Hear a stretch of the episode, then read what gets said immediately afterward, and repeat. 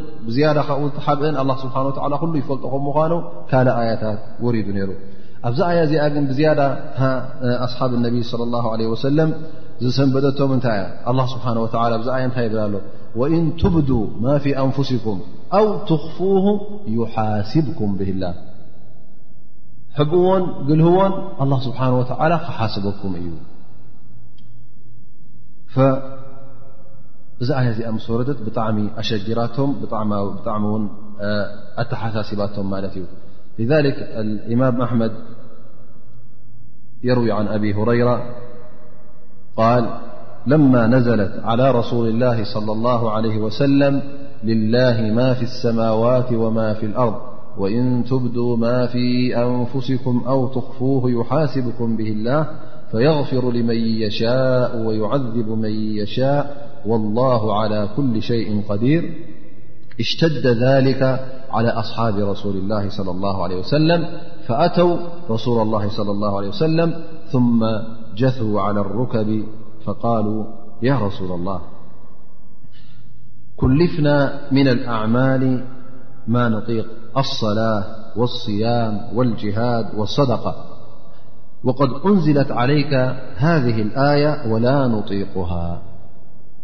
فقال رسول الله - صلى الله عليه وسلم أتريدون أن تقولوا كما قال أهل الكتابين من قبلكم سمعنا وعصينا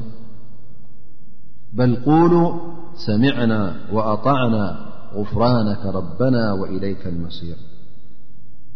فلما أقر القوم وذلت بها ألسنتهم أنزل الله سبحانه وتعالى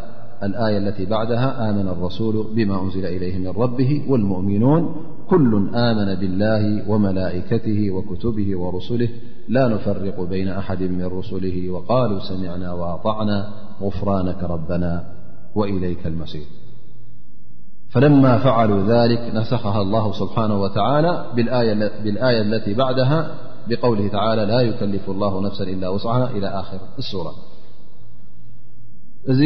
ልማም ኣሕመድ ዘመሓላለፎ ሓዲ ኣብ ሁረይራ ረ ን ሓደ ካብቶም ኣስሓብ ነቢ ለ ላ ለ ወሰለም ነይሩ ይብል እዛ ኣያ እዚኣ ምስ ወረደት እዛ ዝጠቐስና ኣያ ልላ ማ ፊ ሰማዋት ወማ ፊ ኣርض ኣስሓብ ነቢ ለ ላ ለ ወሰለም እቶም ብፆቱ ብጣዕሚ እዚ ጉዳይ እዚ ኣሸጊርዎም ብጣዕሚ እዚ ጉዳይ እዚ ኣሰንቢድዎም እሞ እንታይ ገይሮም ናብ ነቢና ሙሓመድ ለ ላ ለ ወሰለም መፅኦም ፈጀቱ ዓላ ሩከብ ማለት ተንበርኪኾም ኮፍ ኢሎም ኣብ ቅድሚኡ ማለት እዩ ፈያ ረሱላ ላህ ኣንታ ረሱሉ ላህ ንሕናስ ቅድሚ ሕጂ ኣላ ስብሓን ወተዓላ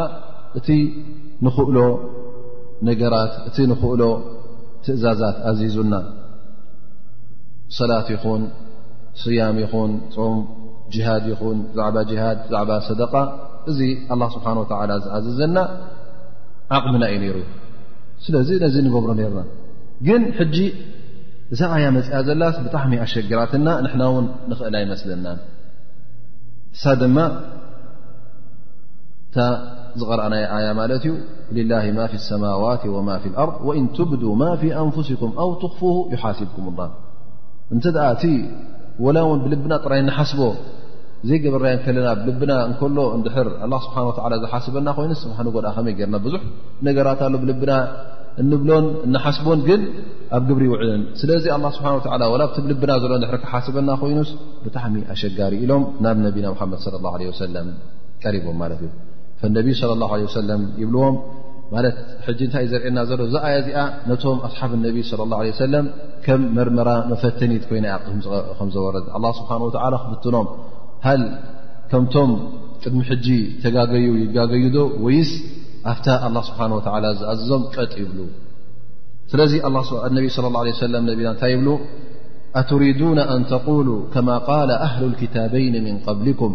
ሰሚዕና ወዓሰይና ከምቶም ቅድሜኹም ዝነበሩ ኣህል ልክታበይን ማለት የሁድ ወነሳራ እቶም ቅድሚ ሕጂ ቅድሜኹም ዝነበሩ ክታብ ዝወረዶም ማለት እዩ ተውራት ናብ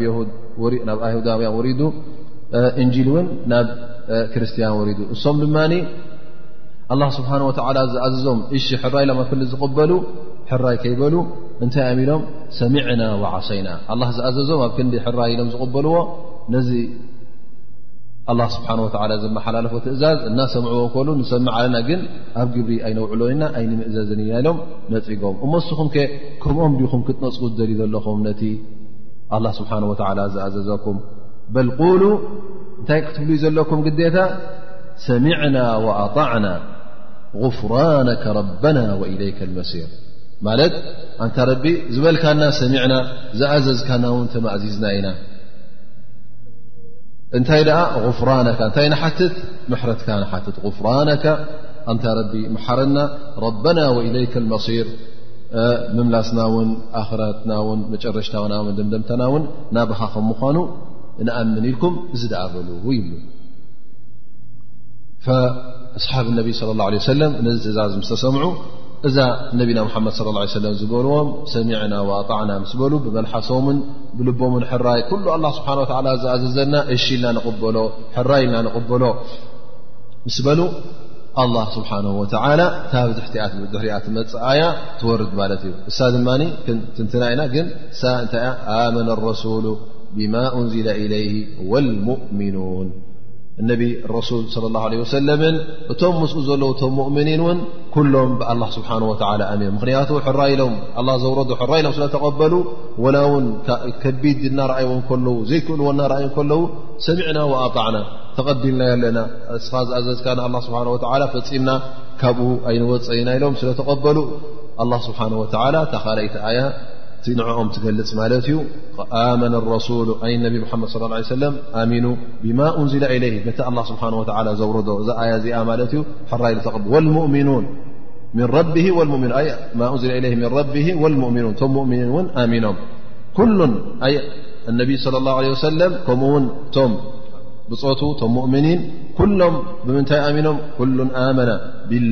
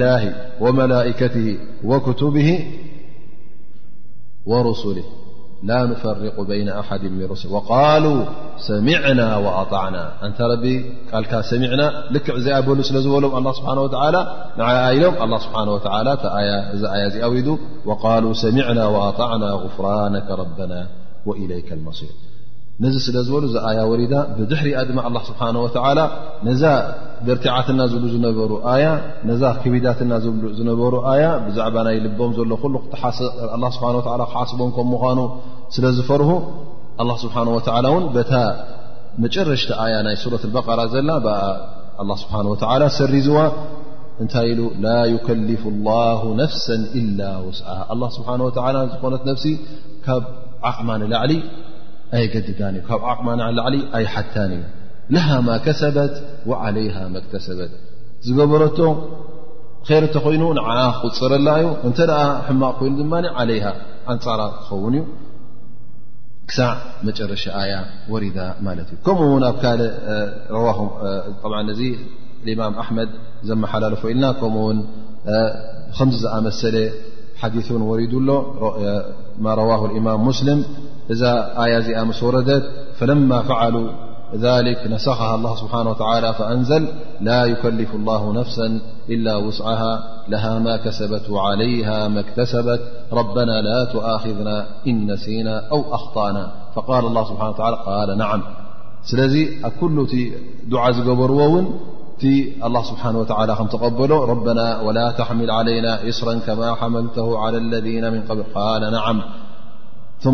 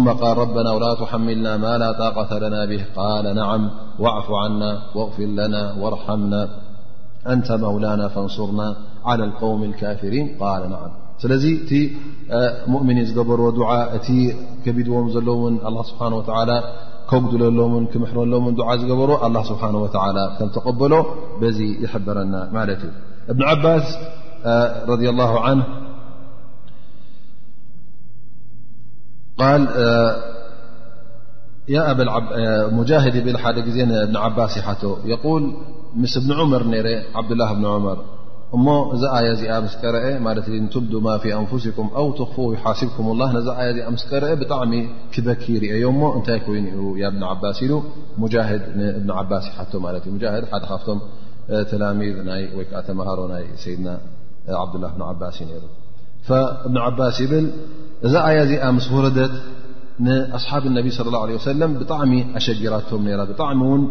رتعتهم سلنبرت تشجرهم نرم بل فقالوا يا رسول الله هلكنا إن كنا نؤخذ بما تكلمنا وبما نعلم فأما قلوبنا فليس بأيدينا ت ن بدنا بر فنا ر حاسبنا له እዚ ንገዛእ ርሱ ሓደ ዓብ ነገር እዩ ቀሊል ነገር ውን ኣይኮነን ግን ብዝያዳ እተ ገና ክትልብና ዘሎ እተ ክንተሓሰብ ኮይና ዝስ ናህና ክንቆፃፀሮ ዘይንኽእል እዩ ሞኒ ጠፊእና ኢና ያ ረሱላ ላ ኢሎም ናብ ነቢና ሓመድ ለ ላ ሰለም ክጠርዑ ምስ መፁ ነቢ ስለ ላ ለ ሰለም ቁሉ ሰሚዕና ኣጣዕና ፈቃሉ ሰሚዕና ኣጣዕና ነቢ ስ ሰለ ሰሚዕና ኣጣዕና በሉ ምስ በሉ ም ሰሚዕና ኣጣዕና ምስ በሉ ኣላ ስብሓን ወላ ነዛ ኣያ እዚኣ ብምንታይ ሰሪዝዋ በታ ብድሕሪኣ ዝመፅእ ዘላ ኣያ ማለት እዩ ላ ስብሓን ወተላ ነቲ ብልብኻ ትብሎን እትሓስቦን እዚ ነገር እዚ ኣላ ከም ዝገደፎ ወይ ከዓ ከም ዝመሓሮ በዛ መጨረሻ ዝወረደት ኣያ ተገሊፁ ማለት እዩ ኣብ ርእሲኡ እውን ነቢ ስለ ላ ለ ወሰለም ዘመሓላለፎ ሓዲት ኣሎ የቁል ነቢ ስለ ላ ለ ወሰለም እና ላሃ ተጃወዘ ሊ ን እመቲ ማ ሓደት ብሂ ኣንፍስሃ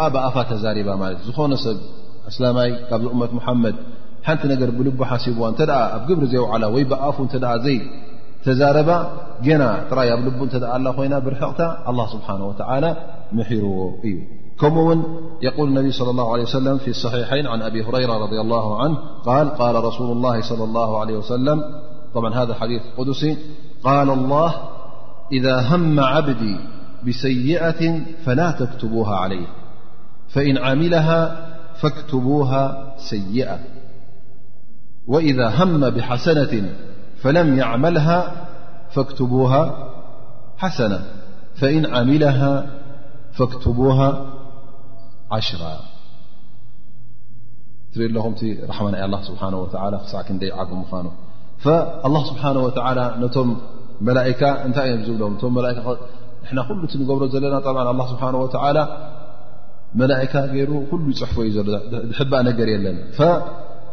ነዞም መላእካ እንታይ ኢሉ ልኢኹም እንተ ደኣ እዚ ባርያይ እከይ ንክገብር ገለ ሓሲቡ ኣይትፅሓፍዎ ይኹም ክሳዕ መዓስ ክሳዕ ዝገብራ እንተ ደኣ ገይርዋ እታ ዝገበራ ጌጋ ጌጋ ልኩም ዘንቢ ኢልኩም ሓንቲ ዘንቢ ፅሓፍሉ ወይ ዘሃማ ብሓሰና እንተ ሓንቲ ስናይ ነገር ክገብር ክሓሲቡ ናብ ሰናይ እተ ኣሚቱኸ እሞ ነዛ ሰናይ እዚኣ ተዘይገበራ ሓንቲ ኣጅሪ ፀሓፍሉ በታ ዝሓሰባ ታ ንር ዝሓሰባ ነታ ሰናይ ዝሓሰባ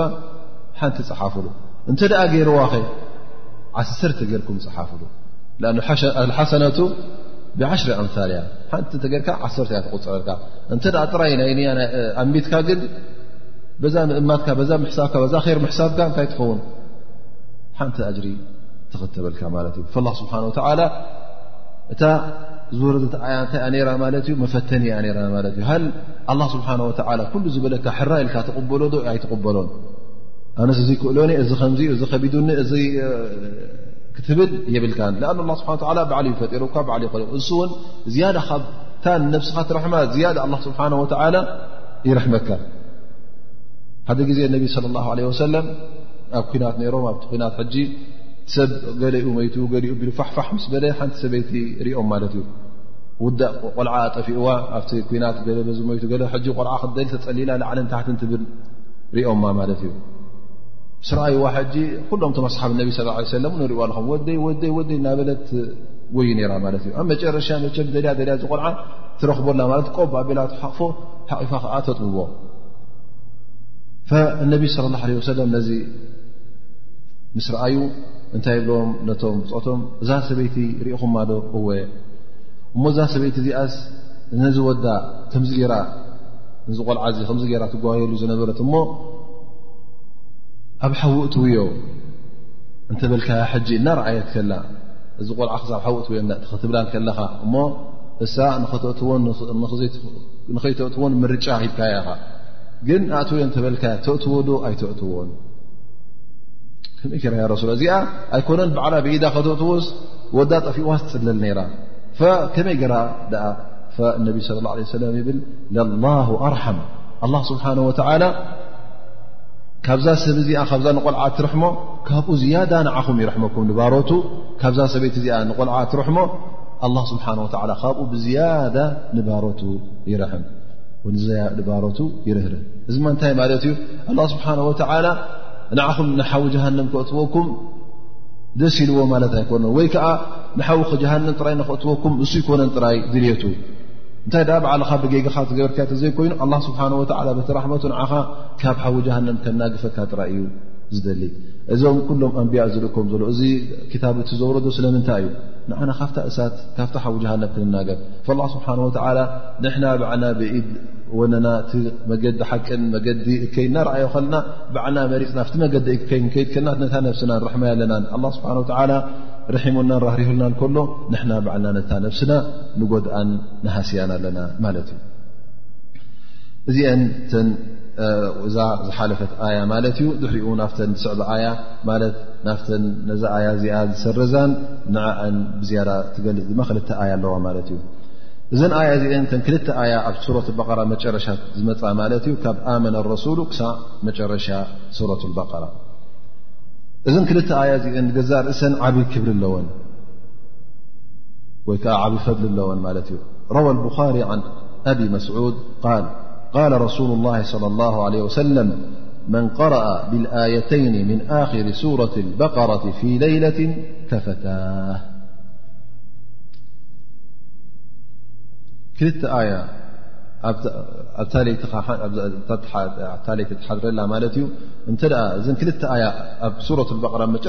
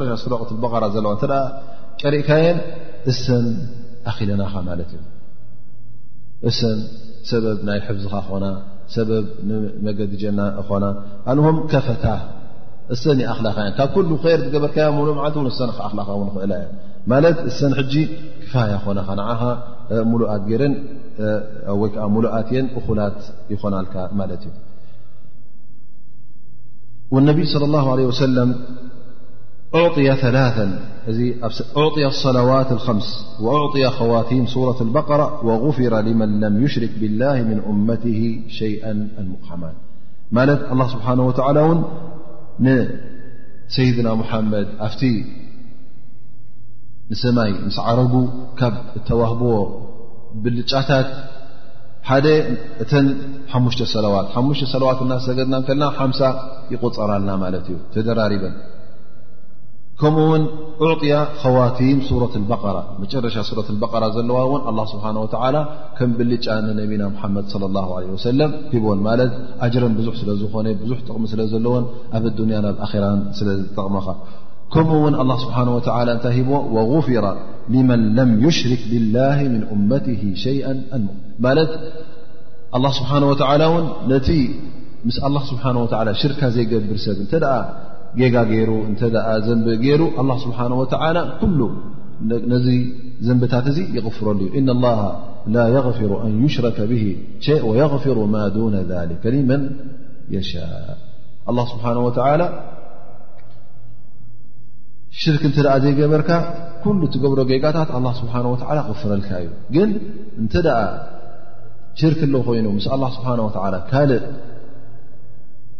ሰብ ኮይኑ ኦም ኮይኑ ገረብ ኮይኑ እንተ ተምልኾ ኮንካ እቲ ናይ ኣላ ስብሓን ወላ መሰላት ካብ ኣላ ስብሓን ወላ ቀንጢጥካ ንኻልእ ትውንዝፎ ኮንካ ኣላ ስብሓን ወተዓላ ኣይ ምሕረካን እዩ ኣይቕፍረልካን እዩ ግን ካልእ ጌጋታት እትገብሮ ኣላ ስብሓን ወተዓላ ብድልየቱ ክምሕረካን ክሰትረልካን እዩ فت قدن ونفضائلسورة الفاتحةفضائسوراةة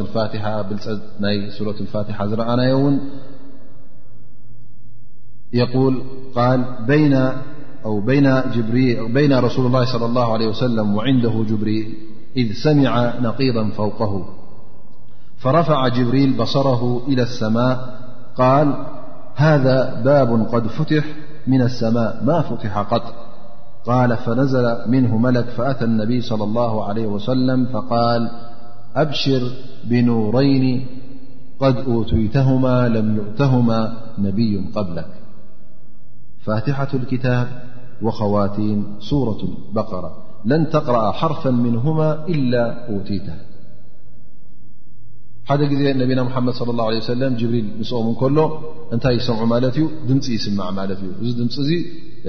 ልክዕ ከምዚ ዓቐቕ ዝበለ ሓደ ነገር ይስማዕ ማለት እዩ ፈጅብሪል ምስ ነቢና ሓመድ ለ ላ ለ ሰለም ነይሮም ሕጂ ገፆም ንላዕሊ ገይሮም ማለት እዩ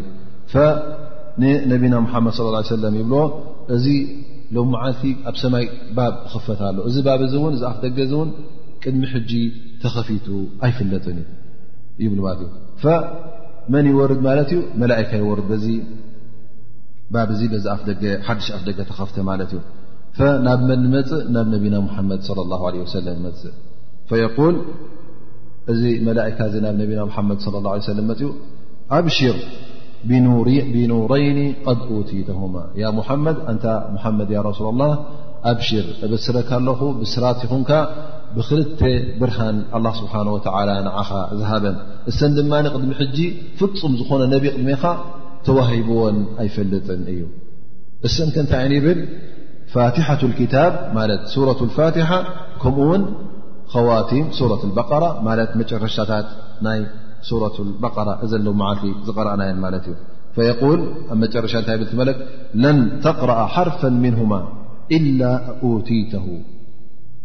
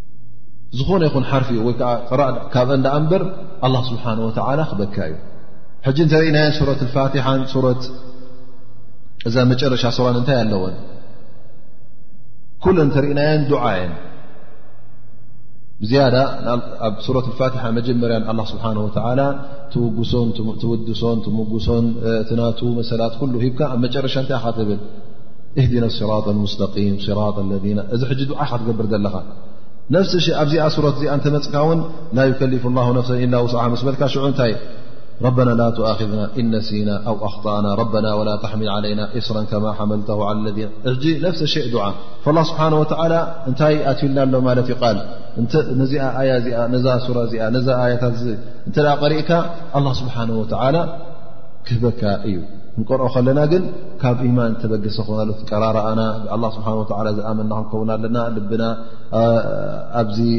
ነገር እዚ ኣንቢርና ማለት ኩሉ ልብና ብስውነትና ብኩሉ ልቦናናን ምዚ ኣያት እዚ ተኣሳሲርና ክንቀርኦም ከለና ኣላ ስብሓን ወተዓላ ነዚ ጠለብና ወይ ከዓ ነዚ ድዓና ክቕበሉ ከም ምኳኑ በዛ ሓዲ ነቢና ሙሓመድ ለ ላ ሰለም በዚ ቃል ናይዚ መላእካ መለክ ካብ ሰማይ ዝወረደ ይበርሃልና ማለት እዩ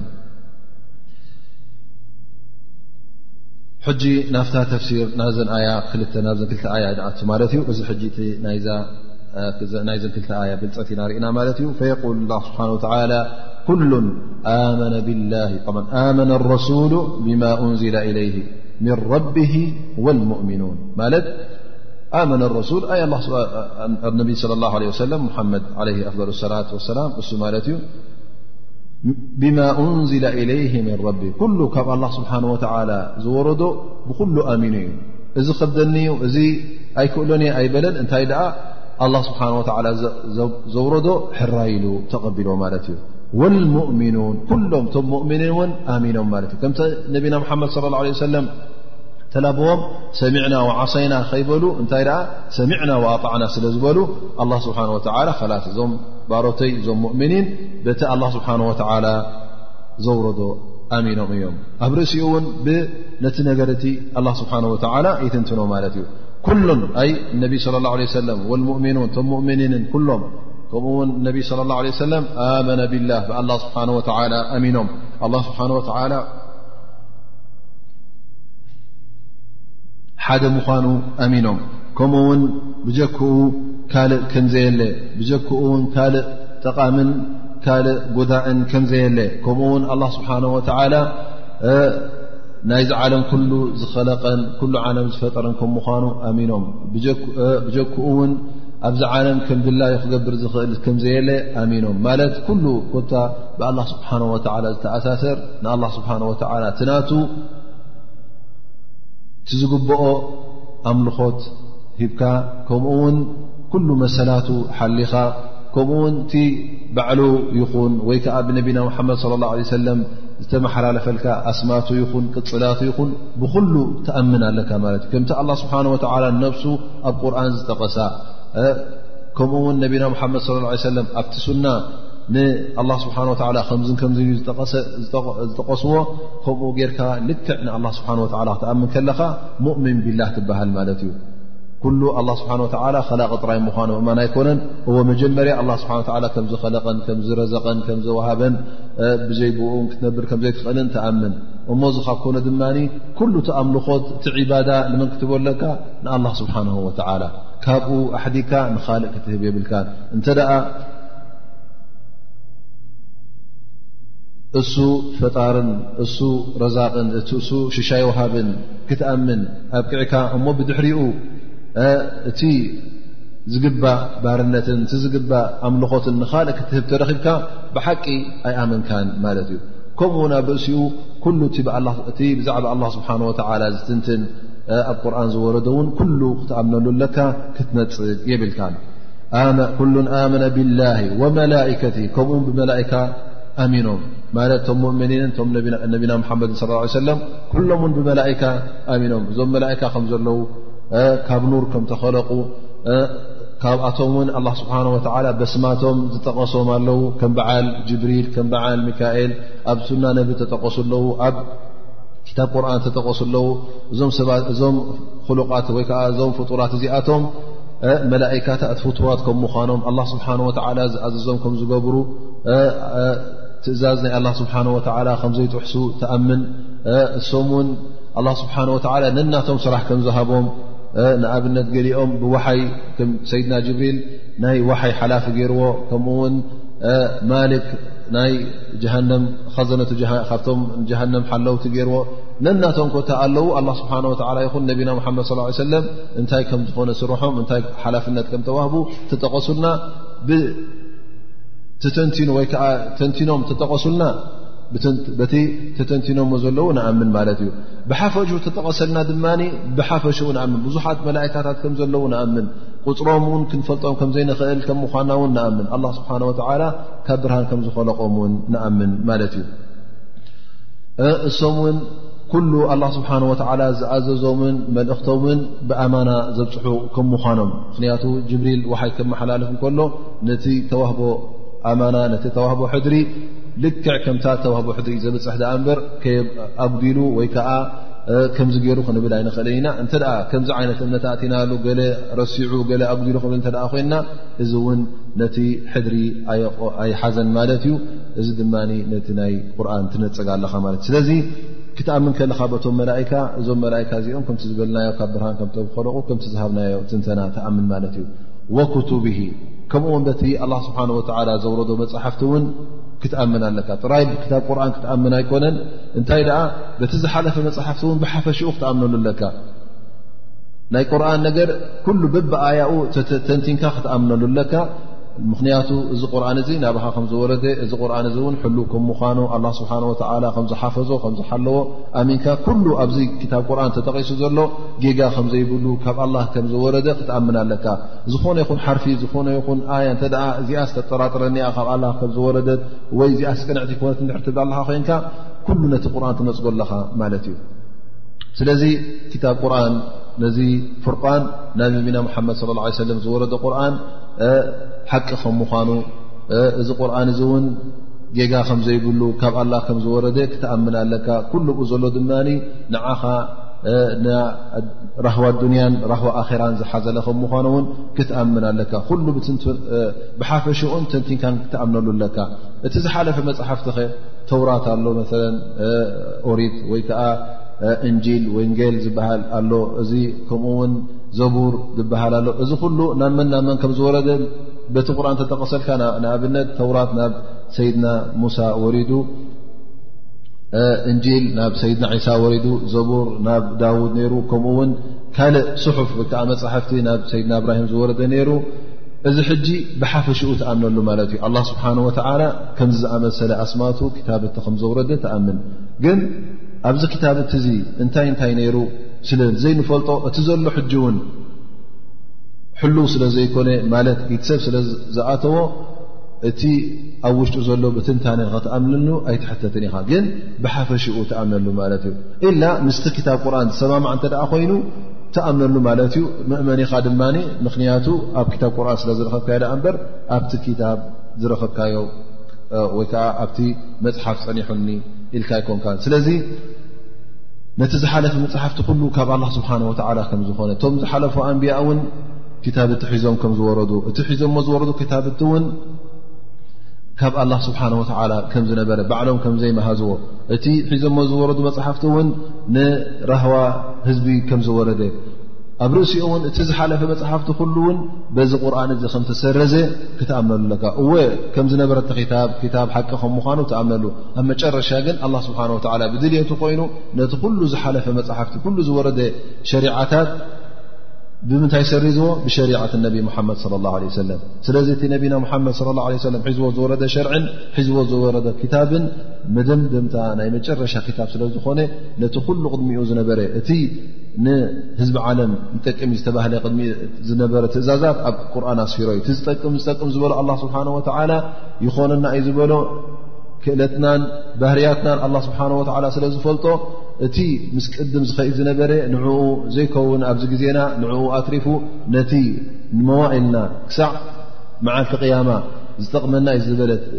ዝበሎ ትእዛዛት ኣላ ስብሓን ወተላ ኣብዚ ክታብ ኣስፊርዎ እዩ ማ ፈረጥና ፊ ክታብ መንሸ ኣ ስብሓ ላ እውን ዝገደፎ የብሉ ኩሉ እቲ ንዓኻ ነታ ኣብዛ ዱንያ ብራህዋን ብሰላምን ከንብረካ ዝኽእል ኣብዚ ክታብ ቁርን ኣሎ ብዝያዳ ድማ ነቢና ሓመድ ለ ሰለም በቲ ነዚ ቁርን ዝተንተኑ ኣብቲ ሱና ነቢ ክትረክብ ኢኻ ስለዚ እቲ እስልምና ሒዝዎ ዝመፀ ኣብዚ ክታብ ኩሉ ክትኣምነሉ ኣለካ እዚ ክትኣምነሉ ከለኻ ውን ንዓኻ ጠቓምን ንዓኻ ናብ ራህዋ መራሕን ከም ምዃኑ ክትኣምን ኣለካ እዚ ኣልኢማን ብልክቱብ ማለት እዩ ካብኡ ድማ ናበይ ትመሓላለፍ ኩሉን ኣመነ ብላሂ ወመላከት ወክቱብ ወሩሱሊ ከምኡ ውን በቶም ኣንብያ በቶም ልኡኻት ኣላ ስብሓን ወተዓላ ኩሎም ትኣምን ኣላ ስብሓን ወተዓላ ልኡኻት ከም ዝለኣኸ እቶም ልኡኻት ውን ቅድሚ ሕጂ ኣላ ልኢኹዎም ሓቂ ተዛሪቦም ናብ ህዝቦም እዚ ሓቂ እዚ ከም ዘብፅሑ እቶም ብኣስማቶም ተጠቕሱ ኣብ ቁርን ዘለዉ ብስማቶም ትፈልጦም ተኣምነሎም እብራሂም ዝበሃል ኣደም ዝበሃል ሙሳ ዝበሃል ዒሳ ዝበሃል እድሪስ ዝበሃል ከምዚ ዝኣመሰሉ ኣንብያእን ልኡኻትን ከም ዝነበሩ ንኽትኣምን እዚ ግዴታ ኸውን ኣብ ቁርንን ኣብ ሱናን ተጠቐሱ እተ ኮይኖም ብኣስማቶም በበስማቶም ክትኣምነሎም ኣለካ ካብኡ ንላዕ ድማ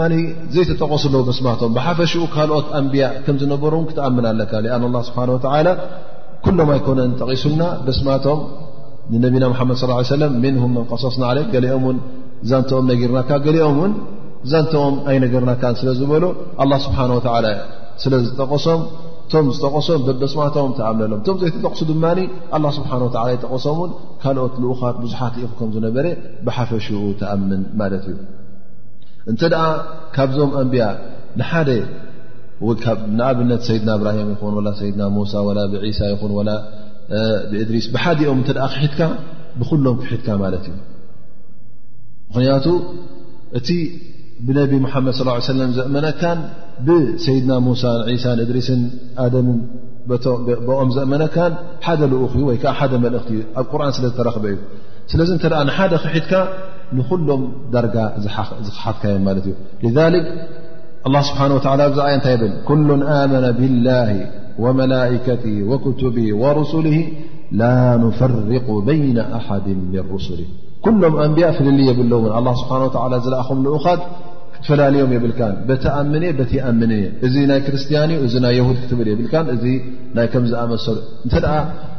ብሓቂ ነቢ ኮይኑ ነቢ ከም ምኳኑ ልኡኽ ከም ምኳኑ ክትኣምነሉ ኣለካ ወላ እውን ኣይሁዳውያን ይእመንሉ ኣይእመንሉ ብዘየገድስ እስኻ ፀኒሑካ ድዩ እዚ የሱስ ክርስቶስ ወይከዓ ዒሳ ናይቶም ክርስትያን ከዓ ነስ ኣይኣምነሉን እያ ክትብ የብልካ እስኻ ትኣምነሉ ኢኻ ግን ክትኣምነሉ ከለካ ከምቲ ኢማኖም ኣይኮነን ከምቲ ብ ክታብካ ዝፀናሓካ ገርካ ኢኻ ትኣምነሉ ከምኡ ውን ሙሳ ልኡኽ ናይ ኣይሁድ እዩ ነይሩ እሞ ኣነ እንታይ ኣገዲሽ ናይ ኣይሁድ ዝኣምነሉ መሓመድ ጥራዩ ናይቶም ቅድሚ ዝነበሩ ኣይግድሸኒ ክትብል ኣይትኽእልን ኢኻ ምኽንያቱ ኣላ ስብሓን ወተላ ብሓቂ ልኡኽ ከም ዝነበረ ሙሳ ኣብ ክታብ ቁርን ስለ ዝጠቐሰልካ ማለት እዩ ሊክ ኩል ኣንብያ ክትኣምነሎም ኣለካ እቲ ሒዞሞ ዝመፁ እውን ሓቂ ከም ምዃኑ ክትኣምን ይግባእ ثم يقول الله سبحانه وتعالى وقالوا سمعنا وأطعنا غفرانك ربنا وإليك المسير طبع እዚ ي ዚ ዝبلናي ن صلى الله عله وسلم ዝهبم لبون ዝهبم ትእዝን ዝሓلفت ي ተጠقሰ مس وردت سمعن وأطعن ل مس በሎم ሰሚዕና ዋጣዕና ኣንታ ረቢ ዝበልካና ሰሚዕና ዝኣዘዝካና ውን ተማእዚዝና ምስ በሉ ኣላ ስብሓን ወተላ ከም ተቐበለሎም ትጠቅስ ማለት እዩ ወቃሉ ሰሚዕና ወኣጣዕና غፍራነከ ረበና ወኢለይከ ንመሲር ኣይ ሰሚዕና ቃልካ ሰሚዕና እንታ ረቢ እቲ ዝሃብካና ትእዛዝ ሰሚዕና ኣለና ተረዲእና ኣለና ነቲ ዝኣዘዝካና እውን ተቐቢልና ኣለና ንሕና ካብ ኣምርኻን ካብ ትእዛዝካን ካብቲ ዝበልካናን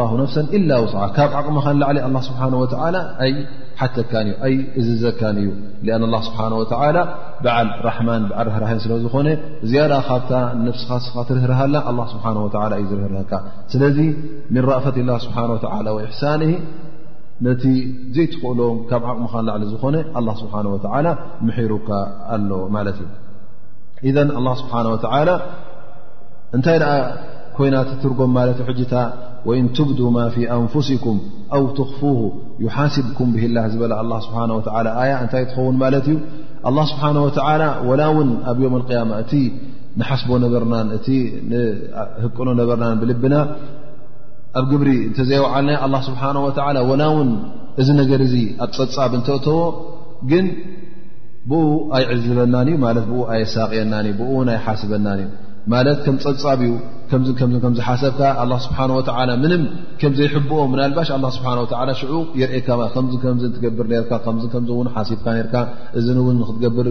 ሃቂንካ ነርካ ትበሃል ማለት እዩ ግን ኣላ ስብሓን ወተላ ኩሉ ነገራት ይፈልጦ ከም ምኳኑ ይነግረካ ማለት እዩ ግን ኣላ ስብሓን ወተላ ነዚ ነገራት እዚ ኣብ ሕሳብ ኣብ ፀብፃብ ወይከዓ ኣብቲ መቕፃዕቲ ኣየትዎን ማለት እዩ ብሰንኩ እውን ኣይቀፅዓካን እዩ ذ ኣብዚ ኣያ እዚኣ እንታይ ኢሉ ላሃ ማ ከሰበት ለሃ ማ ከሰበት እቲ ዝገበረቶ ሰሰናዩ እንተ ኮይኑ እዚ ንዓኣ ይሕሰበላ ኣጅሪ ይሕሰበላ ማለት ዩ ነዛ ነፍሲ እዚኣ ዓለይሃ መክተሰበት ኣይ መክተሰበት ምና ልእም እንተ እከይ ዝገበረቶላ ኮይና ድማ ኩሉ ኣንፃራ ይሕሰብ እዚ እውን ኩሉ እቲ ዝከኣል ነገር እተ ኮይኑ እዩ ኣብ ትሕቲ ዓቕምኻ ዝኣክል ወይከዓ ኣብ ትሕቲ ዓቕምኻ ዝኣት እንተ ኮይኑ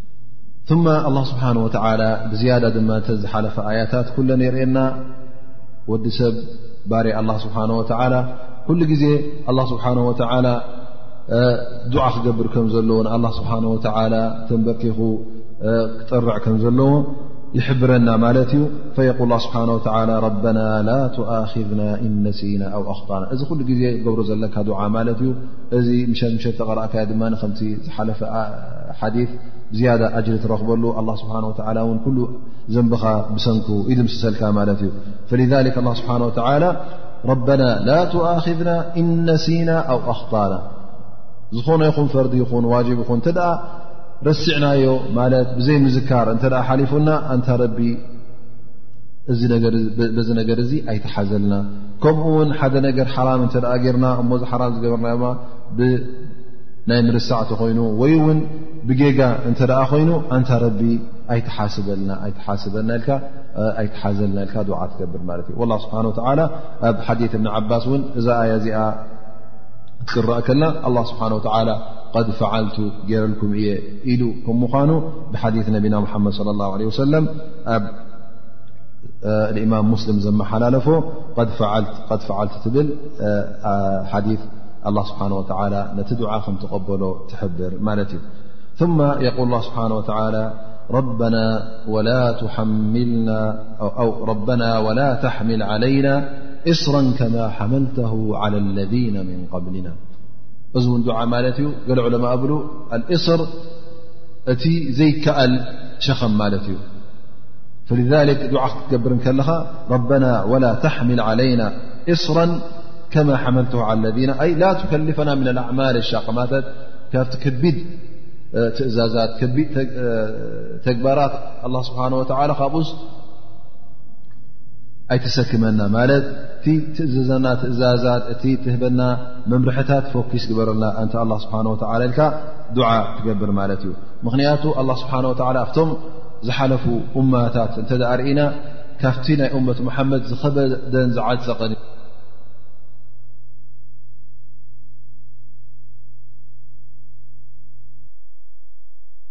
ምሕፃብ እኹል ኣይነበረን እንታይ ኣ ነታ ነጃሳ ቆርፃ ነይርዎ ማለት እዩ ከም ዝኣመሰለ ሸርዒ ነይሩ ማለት እዩ ላ ስብሓን ወተላ ነዛ እመት መሓመድ ነዛ እማና እቲ ዲና እቲ ሃይማኖት ኣላ ስብሓን ወተላ ቀሊልን ፈኪስን ገይሩላ ማለት እዩ ስለዚ እዚ እውን ዱዓ ማለት እዩ ኣላ ስብሓን ወተላ ከምቲ ቅድሚ ሕጂ ዘውረድካዮ ናብቶም ዝሓለፉ እመታት ከቢድ ትእዛዛት ኣመሓላልፍካ ሎም ዝነበርካስ ከምኡ ከቢድ ኣይ ትግበረልና ኢልካ ድዓ ትገብር ማለት እ ኣልሓምዱላ ስብሓ ወላ ነዚ ዲን እዚ ቀሊል ገይርዎ እዩ ነቢ ለ ላه ለ ሰለም የል ቡዒፍቱ ብልሓኒፍየት ሰምሓ በታ ቀላል በታ ፎካስ ቅንዕቲ ዲን ብኣየ ተላኢኸ ኢሉ ጠቂሱልና እዩ ላ ስብሓ ወላ እቲ ዘውረደልና ዲን ፈፂሙ ኣነስ ከቢዱኒ እዚ ዲን እዚ ክኽእሎ ኣይከኣልኩን ዝብል ሰብ ካብ ክእለት ናይ ወዲ ሰብ ወፃኢ እዩ ሰብ ዘይክእሎ እዩ ዝብል ኣይኮነን ማለት እዩ ዝኾነ ይኹን ሰብ ነዚ ዲን ኣልእስላም ንክኣትዎ ቀሊል ኣብኡ እስላማይ ኮይኑ ክነብር እውን ቀሊል እዩ እንተ ደኣ ብሓቂ ነዚ እስልምና ክሕዝ ኮይኑ ማለት እዩ ደኣ እምበር ፎኪስ እዩ ክንብል ከለና ከም ድላይካ ተፃወተሉ ማለት ኣይኮነን እንታይ ደኣ ዓቕሚ ወዲ ሰብ እዩ ማለት እዩ እንተ ደኣ ውን ብሰንኪ ናይ ሕማም ብሰንኪ ናይ ዘይምኽኣል ናይ ካልእ ሽግር ኣለካ ኮይኑ ሞ ካብ ገለገለ ካብቲ ኣላ ስብሓን ወተላ ዝኣዘዘካ እንተ ኣጉዲልካ እውን ኣላ ስብሓን ወተዓላ በዚ ጉዳይ እዚ ኣይሓስበካን እዩ ኣይቆፃፀረካን እዩ ስለዚ እቲ ኣላ ስብሓን ወተላ ዘውረዱ እስልምና ቀሊልን ፎኪስን ንኩላህና እንኽእሎ ዘይከቢልን ገይሩ ኣላ ስብሓን ወተላ ኣውሪዱልና እዩ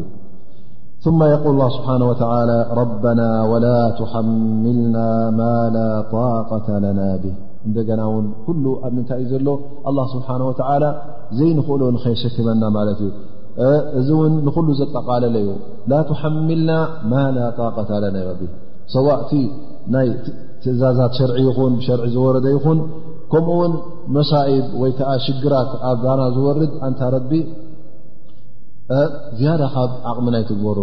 ሽግር ክወርድ ከሎ በላእ ክወርድ ከሎ ሙሲባ ናባና ተወሪዱ እውን ኣፋኹሰልና ኣቃልልናልካ ዱዓ ትገብር ማለት እዩ ምኽንያቱ እዚ እውን ዝያዳ ንዓኻ ምስ ኣላ ስብሓን ወተላ የተኣሳስረካ እታ ነፍስኻ እውን ኩሉ ግዜ ክእለታ ውሱን ከም ምዃኑ ኣብ ቅድሚ ኣላ ስብሓን ወተላ እውን ክእለት ከምዘይብልካ ኣላ ስብሓን ወተላ እንተ ሽግር ከውርደልካ ኮይኑ ወይ ውን ሸርዒ ክእዝዘካ ትእዛዝ ከመሓላልፈልካ እተ ኮይኑ ድላዮ ክገብር ይኽእል እዩ ንኡ ዝሓቶ ሰብ የብሉ ስለምንታይ ንና ክቢትካልና ነ ኣፍኪዝካ ሎ ወይ ስለምታይ ንና ሽግር ኣውሪድካልና ስለምንታይ ንና ሙሲባ ኣውሪድካልና ኢልካ ንኣ ስብሓ ወላ ኣይትፀባፀቦን ኢኻ ግን ኣላ ስብሓ ወላ እሱ ድላዩ ገብር ኣይሕተትን እዩ እስኻ ኢኻ እትሕተት ስለዚ እዚ ካብ ኮነ እንታይ ኻ ከተርኢ ዘለካ ኩሉ ግዜ ኣብ ቅድሚ ኣላ ስብሓን ወተዓላ ድኹም ከም ምዃንካ ኣብ ቅድሚ ኣላ ስብሓን ወተዓላ ትሑት ከም ምዃንካ ካብ ኣላ ስብሓን ወተዓላ ትደሊ ደኣ እምበር ኣላ ስብሓን ወተዓላ ካባኻ ዘይደሊ ከም ምዃኑ ኩሉ ግዜ ተንበርከኽካ ኣብ ቅድሚ ኣላ ስብሓን ወተዓላ ዱዓ ክትገብር ከም ዘለካ እዩ ዝያዳ ኣላ ስብሓን ወተዓላ በዘን ኣያ እዚአን ዝሕብረና ዘሎ ማለት እዩ ረበና ወላ ትሓምልና ማ ላ ጣቀተ ለና ብህ ዋዕፉ ዓና ኣይ መሓረና ወይ ንሓፈልና ማለት እቲ ኣብ መንጎናን ኣብ መንጎኻን ዘሎ ትኩሉ እትፈልጦ ጌጋታትና ጉድለታትና ኣንታ ረቢ መሓረና ወቕፊር ለና ማለት ስተረልና መሓረልና እዚ ድማ እቲ ኣብ መንጎናን ኣብ መንጎቶም ባሮትካ ዘሎ ንገብሮ ጌጋታት ማለት ጌጋታት እንገብሮ ኣብ መንጎናን ኣብ መንጎ ባሮትካን ኣይተጋልሃዮ ማለት ኣብ ቅድሚኦም እቲ ሕማቕ እንገብሮ ኣይተርእየልና ሕብኣልና ስተረልና ማለት እዩ ወርሓምና ማለት ራህራሃልና ማለት ርሓምና ኣብቲ ዝመፅ ዘሎ ግዜ እውን ኣብ ጌጋ ንኸይንወድቕ ኣንታ ረቢ ሕጂ ዘን ሰለስተ ነገራት ሰለስተ ትርጉም ዝጠቓለላ ይኾና ማለት እዩ ወዲ ሰብ እውን ከምዛ ዝበላ እዚ ሻርሕ ሰለስተ ነገራት የድልኦ ቀዳማይ ነገር ኣላ ስብሓን ወተላ ኣን ያዕፉ ዓንሁ ፊማ በይነ ወበይነ ኣይ ኣላ ስብሓን ወተላ ኣብ መንጎኻን ኣብ መንጎኡን ዘሎ ዘንቢ ዝገበርካዮ ጌጋ ንዕኡ ንኽንሕፈልካ ወይ ከዓ ንዕኡ ንኽምሕረካ እዚ ተቐዳማይ ዘድልካ ማለት እዩ ካልኣይ ነገር እውን እንታይ የድልካ ኣን የስቱረሁ ዓን ዕባድ ፈላ የፍضሕ በይኖም ኣይ ኣላ ስብሓን ወተላ እቲ ዝገበርካዮ ጌጋ እቲ ዝገበርካዮ ወንጀል እውን ክረኣየልካ ኣይትፈቱን ኢኻ ኩሉ ግዜ ስለዚ ካብ ኣላ ስብሓን ወላ እንታይ ትሓትካ ኣለኻ ተሰቲርካ ክትነብር በቲ ዝገበርካዮ ጌጋ በቲ ዝገበርካዮ ወንጀል ኩሉ ሰብ ክፈልጠካን ኩሉ ሰብ ክርእልካን ስለ ዘይደሊ ካብ ኣላ ስብሓን ወላ ሱትራን ምሕባእን ትሓትት ማለት እዩ ሳልሳይ ድማ እንታይ የድልየካ ብድሕሪ ሕጂ እውን ኣብ ከም ዝኣመሰለ ጌጋ ንኸይትወድቕ ዱዓ ትገብር ኣለኻ ማለት እዩ ወርሓምና ራህርሃልና እሞ እዚ ቅድሚ ሕጂ ዝወደቕና ይኣኽለና ኣንታ ረቢ ብሕጂ እውን ኣብ ዝመፅ ዘሎ ግዜ እውን ኣብ ሕማቕ ንኸይንወድቕሲ መሓረናን ራህርሃልናን ትብል ኣለኻ ማለት እዩ እዘን እዘን ሰለስተ ነገራት ማለት ዋዕፉ ዓና ወغፊር ለና ወርሓምና እዘን ሰለስተ ጉዳያት የጠቓልላ ማለት እዩ እንታይ ትብል ኣንተ መውላና ኣንተ ረቢ እስኻ ኢኻ ደጋፊና ብጀካኻ ዝድግፈና የብሉን ኣንታ ጎይታና ብጀካኻ ዝኾነና የብሉን ንሕና ዓወት እንተ ደለየልና ካባኻ ኢና ንደሊ ደገፍ እንተደሊና ካባኻ ኢና ንሓትት ናባኻ ተወኪልና ብጀካኻ ካልእ ወኪል የብልናን ሓገዝ እውን ክንሓትትን ክንጠልብን እንተ ደኣ ኮይንና እስኻ ኢኻ ትህበና እሞኒ ናባኻ ተወኪልና ኣለና ኣንተ መውላና ብጀካኻ ካልእ ዝጠቕመና የለን ፍጡር ይኹን መላእካ ይኹን እምኒ ይኹን ካልእ ይኹን ኩሉ ዝጠቅመ የለን ብጀካኻ ኣንታ ረቢ ኢልካ ናብ ኣላ ስብሓን ወተዓላ ብምሉእ ድልትካን ብምሉእ እንትናኻን ናብ ኣላ ስብሓን ወላ ብኩሉ እንትናኻ ናብ ኣላ ስብሓን ወተዓላ ትፅጋዕ ኣለኻ እሞ እንታይ እኻ ደሊ መጨረሻ እውን ኩሉ ግዜ ኣብ ዓወት ንኽትነብር ኣላ ስብሓን ወተዓላ ክዐውተካ ስለ ደሊ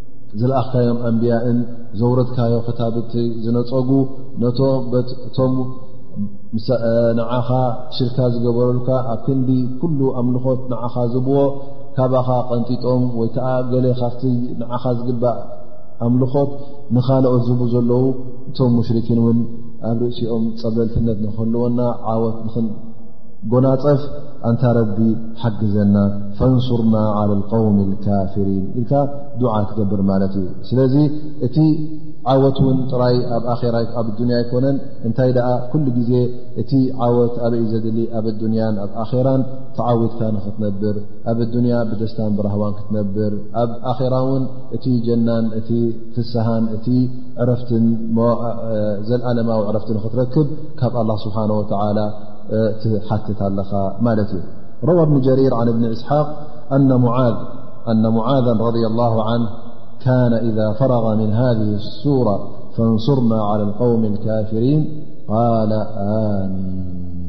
معاذ بن جبل رضي الله عنه ذ فم أصحاب النبي صلى الله عليه وسلم ر نت ل ذا آية قرء كل دع مسجبر ية مس ود فانصرنا على القوم الكافرين مس ل مر ل ر مين يبل نر